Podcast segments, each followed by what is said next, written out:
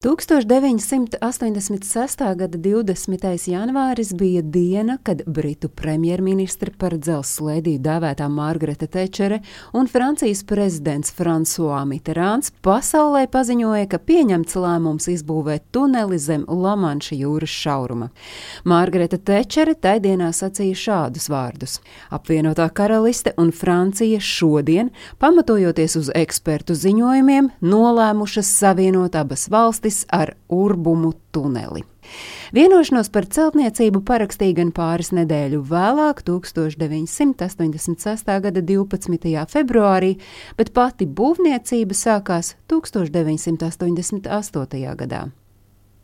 Izbūvi veica 11 par kurmiem iesauktas speciālās tuneļu rakšanas mašīnas, un zinātāji teica, ka divas no tām joprojām atrodas kaut kur zem Lamanša šauruma, jo izrādījies, ka lētāk tās atstāt tuneļa sānu ejās, nevis nogādāt uz Lielbritāniju vai Franciju.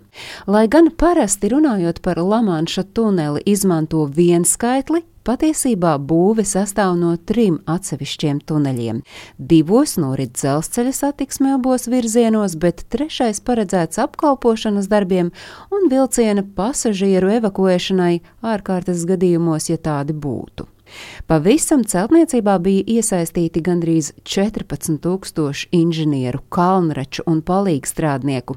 Turklāt aptuveni divas trešdaļas no viņiem strādāja šauruma Britu pusē. Un tieši Britu pusē ik pa laikam radās dažādas problēmas. Te valdība laikus nepiešķīra vajadzīgo finansējumu. Te strādnieki, solidarizējoties ar Tečeras slēgto ogļu ieguves šahtu darbiniekiem, uzsāka streiku. Starp citu, tuneļa celtniecības laikā nelaimes gadījumos dzīvības zaudēja desmit cilvēku, un astoņi no viņiem bija briti. Turklāt celtniecības izmaksas pieauga par vairāk nekā 4 miljardiem mārciņu, pārsniedzot projekta sākotnēji plānotās izmaksas pat par 80%. Bet par spīti likstām, kas vajāja celtniecības darbus, 50 km garo tuneli izbūvēja salīdzinoši ātri.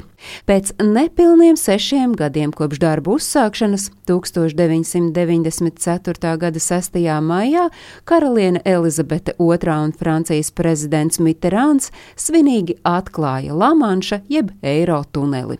Atklāšanas ceremonijā Mitterāns Elizabetei II teica, ka tagad mums, kundze, ir arī sauszemes robeža, bet Briti esot gan ironizējuši, ka Lielbritānija ir un paliek sala arī pēc tuneļa ierīkošanas.